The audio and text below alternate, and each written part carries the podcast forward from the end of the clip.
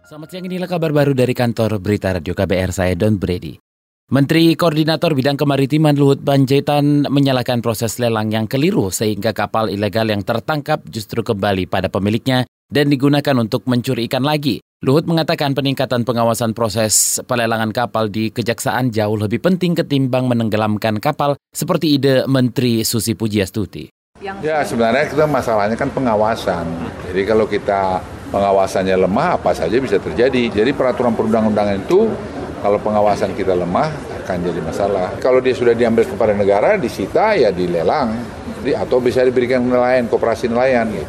Ya katanya ternyata temuannya itu dipakai sama yang mencuri ikan lagi gitu. Berarti pelelangan yang keliru. Jadi jangan kita salahin kita yang ngawasin kurang, kita ngelain sistem. Menko Bidang Kemaritiman Luhut, Bin, Luhut Panjaitan juga menyarankan kejaksaan harus memiliki sistem proses lelang secara online, sehingga identitas peserta lelang terdata dengan rinci supaya kapal yang beralih ke pemilikan bisa tetap terlacak oleh negara. Sebelumnya Menteri Kelautan dan Perikanan Susi Pujiastuti protes karena diduga ada kapal ilegal yang kedapatan kembali mencuri ikan. Pengamat teroris Al-Qaeda mengatakan permintaan pulang ke Indonesia yang disampaikan puluhan bekas simpatisan ISIS sebaiknya ditanggapi positif oleh pemerintah. Alasannya hal itu bisa jadi kesempatan bagi pemerintah untuk mengambil simpati mereka kembali, sekaligus menunjukkan kalau mereka masih diterima dengan baik di Indonesia. Sebaliknya, kata Al-Qaidar, kalau permintaan mereka tidak ditanggapi dengan baik, maka malah bisa jadi presiden buruk bagi kewibawaan pemerintah. Sebenarnya tidak apa-apa itu.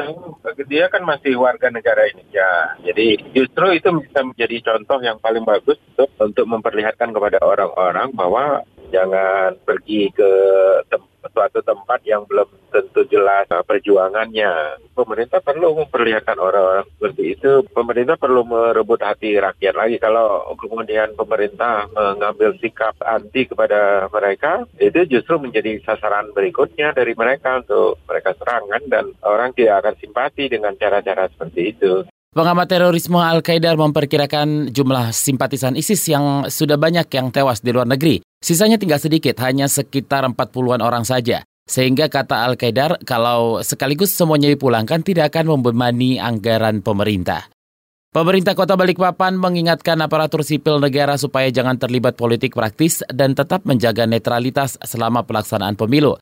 Kepala Inspektorat Balikpapan Dahniar menegaskan akan ada sanksi tegas bagi ASN yang mendukung salah satu kubu calon presiden dan wakil presiden maupun yang terlibat kampanye. Bahwa ASN itu harus wajib netral, artinya nanti dalam bilik hanya mereka yang tahu. Saya kira pertama ketika mungkin uh, situasi masa kampanye kita hindarilah tempat-tempat yang tempat berkumpulnya uh, pada salah satu uh, apa namanya partai atau Tim salah satu pasangan yang kampanye. Kepala Inspektorat Balikpapan Dahniar juga mengingatkan supaya aparatur sipil negara berhati-hati dan tidak menampakkan simbol jari saat berfoto maupun terekam video. Karena hal itu rawan disalahgunakan oleh pihak-pihak yang tidak bertanggung jawab. Dahniar menyebut pada Pilpres 2014 lalu seorang ASN terpaksa diberhentikan karena terlibat kampanye politik.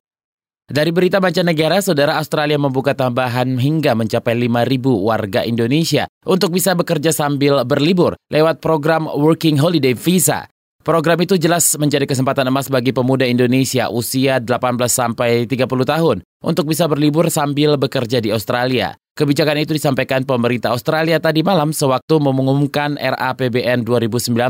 Penambahan kuota bagi warga Indonesia untuk berlibur sambil bekerja di Australia itu merupakan bagian dari perjanjian kemitraan ekonomi komprehensif bilateral yang sudah ditandatangani Maret kemarin.